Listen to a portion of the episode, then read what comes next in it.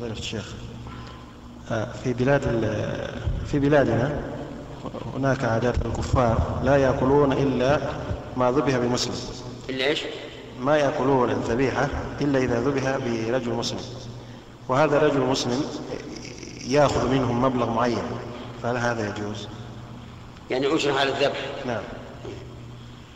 أولا كونه لا يأكلون إلا ما ذبحه المسلم فيه غلط. لأن الله أباح لنا ما ذبحه اليهود والنصارى. فقال تعالى وطعام الذين أوتوا الكتاب حل لكم وطعامكم حل لهم. قال ابن عباس رضي الله عنه وعن أبيه طعامهم ذبائحهم. فالذين تحل ذبائحهم ثلاثة أصناف المسلم واليهودي والنصراني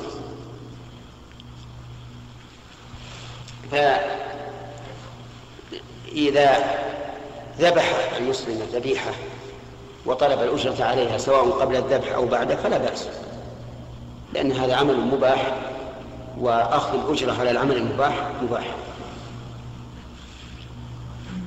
نعم.